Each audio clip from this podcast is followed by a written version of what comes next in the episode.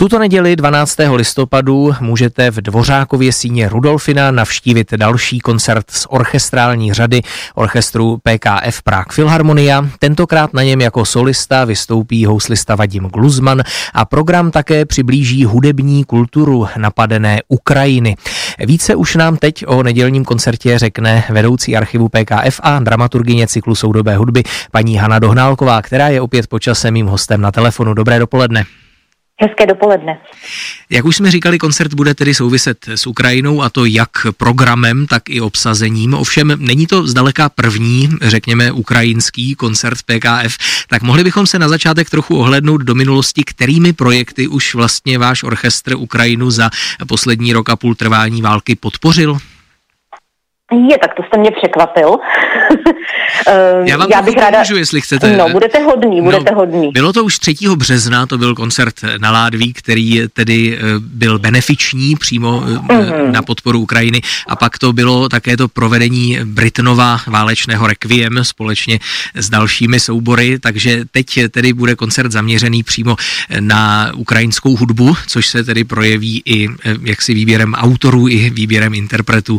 Jako solista vystoupí houslista Vadim Gluzman, což je umělec vlastně spojený svým původem se dvěma zeměmi, které jsou aktuálně nevlastní vinou ve válce. Je to tedy ukrajinsko-izraelský houslista, tak mohli bychom ho představit, tohoto letošního jubilanta, padesátníka. Určitě. Já bych ještě ráda zmínila, že e, nejen ukrajinská linie, ale je to právě i ta polsko-ukrajinská, kdy tam tedy Vadim Gluzman přednese houslový koncert číslo 2 opus 61 Karola Šimanovského, jeho velmi oblíbené dílo. Vadim Gluzman patří e, mezi fenomenální umělce s e, perfektním přednesem. Je označován za jednoho z 30 nejlepších houslistů dnešní doby. A nás velmi těší, že navštíví Prahu a PKF, protože, a to nejen v případě Vadima Gluzmana, ale i v případě případě pana dirigenta Mikoly Diadury eh, oba dva umělci budou v Praze vlastně z PKF Prague Philharmonia vystupovat poprvé. A právě na tento koncert si Vadim Gluzman vybral Šimanovského houslový koncert, který uh, pak následně zahraje ještě se symfonickým orchestrem BBC v Londýně. Takže to nás velmi těší. A ještě bych ráda zmínila, Šimanovského koncert je dílo, které, řekla bych, může být pro posluchače neobvyklé. Ono má takovou jednolitou, jednovětou formu, ke které se po letech uh, právě na sklonku svého života uh, Šimanovský vrátil a je naplněn specifickými prvky, ať už právě z polského folkloru, eh, tedy folkloristické prvky neofolklorní. Polská lidová hudba je tam znít a je technicky velmi náročný, ať už se jedná akordických eh, úseků, ať už se jedná složité harmonie, na to všechno, ale vypadá melodicky velmi líbivě a působivě. A náš pan šéf dirigent Emanuel Viom se o něm eh, vyjádřil jako o srdcervoucím dílu. A eh, všecko tohle ještě nad to, nad všechno vlastně vynesou ten, eh, ten skvost hudební, který zazní v neděli. Stradivárky, nástroj, na který Vadim Gluzman hraje a je to nástroj z roku 1690, který Vadim Gluzman zdědil po virtuozovi Leopoldu Auerovi, který na tyto Stradivárky hrál už v 19. století. A ještě neopomenu, uh, sám Vadim Gluzman nám říkal, že ty jeho housle mají neskutečný rozsah, nikdy to u žádného jiného nástroje neslyšel. Oni mají rejstřík barvy až skoro kontrabasu v těch spodních tónech a naopak ty vysoké rejstříky, které právě v Šimanovské můžeme ocenit, jsou až ve flétnovém zvuku. Takže opravdu posluchači se mají na co těšit a všichni se těšíme. Mm-hmm. Tak to bude určitě tedy velice virtuózní ukázka houslového umění a zmiňovali jsme také dirigenta Mikola Diadura, což je tedy umělecký šéf Ukrajinské národní opery.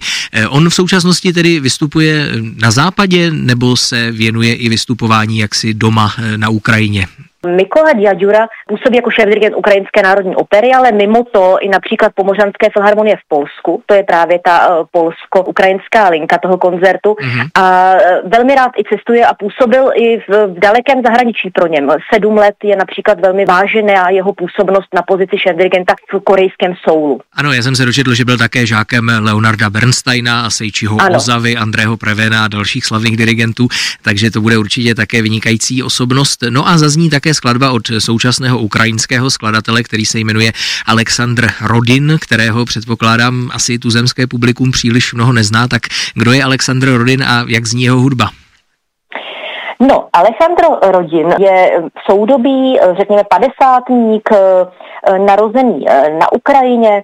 On tam působí, je velmi známý ve svém okolí, eh, zejména tvorbou baletů. To znamená, nemá až takové velké kusy, řekněme, symfonické, ale tato skladba byla složena na objednávku letního festivalu v bulharské Varně. Měla premiéru v dubnu roku 22, nebo vlastně v létě, ale pracoval na ní od dubna. A vlastně bezprostřední eh, jeho ideou k tomu nápadu je osobní reakce právě skladatele na válku na Ukrajině, kde v tu dobu pobýval a pak musel vlastně uh, vystěhovat manželku s dcerou do New Yorku a sám tedy cestuje, ale vlastně zůstává srdcem i tělem, bych řekla, tam, kde to je pro něj nejdůležitější.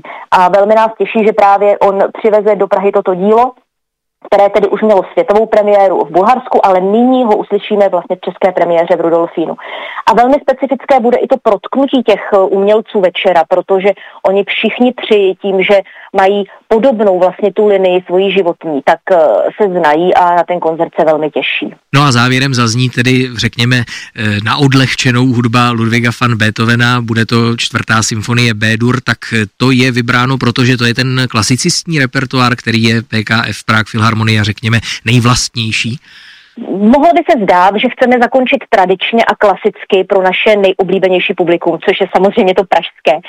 Nicméně právě i pan dirigent Mikola Diadura je specialistou na Beethovenovské symfonie. Všechny natočil a i po konzultaci s ním vlastně pan šéf dirigent Emanuel Vion vybrali symfonii číslo 4 B-dur, která patří, říká se o ní nehezky k těm nejméně oblíbeným, což eh, bych si troufala říci, eh, nemůže být pravda, protože ona vyznívá velmi prostě ale je to naprosto ušlechtilá idylická hudba s velmi jasným protknutím a koncem a myslím si, že právě takové krásné, jasné a idylické a velmi pozitivní bude i to finále celého nedělního večera. Mm-hmm. Taky to je skladba, která má vazbu tady na české území. Beethoven ji částečně psal na zámku v Hradci nad Moravicí. Ano. Eh, mimochodem, to je tedy ten koncert 12. listopadu, tedy tuto neděli v Dvořákově síně Rudolfina. Co chystá ještě orchestr PKF Prague Philharmonia dále? Máme už teď třetí abonentní koncert té orchestrální řady, tak na co se mohou posluchači těšit v nadcházejících týdnech a měsících? Ano, tak pokud to schrnu vlastně do konce roku, kdy nám zbývají zhruba dva měsíce, tak eh, vlastně ještě všechny cykly dostanou eh, prostor, ať už 27. listopadu eh, náš velmi úspěšný cyklus K, kdy přivítá dramaturgině Martina Sermen sedláčkovou kvarteto se solistou Jakubem Fischerem na violu. Zrovna shodou okolností 27. listopadu má PKF Prague Philharmonia jako celý orchestr koncert na pozvání na velmi významném mezinárodním hudebním festivalu v turecké Ankaře, tak to jen zmínka, že i vycestujeme ještě do konce roku. A pak už máme prosinec a tam to bude velmi nabité. Máme abonentní koncert eh, čtvrtý s naším panem šéf-dirigentem Emanuelem Biomem. To bude 3. prosince. Bude následovat pak 12. prosince můj oblíbený cyklus soudové hudby S ve Švandově divadle v Praze eh, s hostem Michalem Nejtkem. Na to bych také ráda posluchače velmi pozvala. To bude hudba po roce 2000, tedy ta současná, to nejnovější.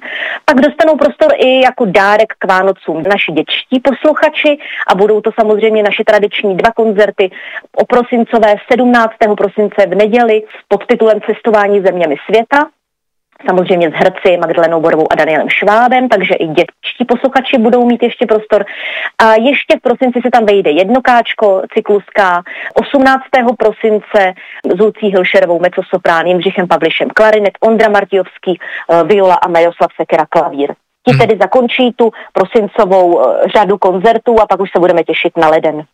Tak o těch dalších koncertech si zase ve vysílání tedy popovídáme někdy příště a podrobně to samozřejmě posluchači najdou také na vašich webových stránkách pkf.cz.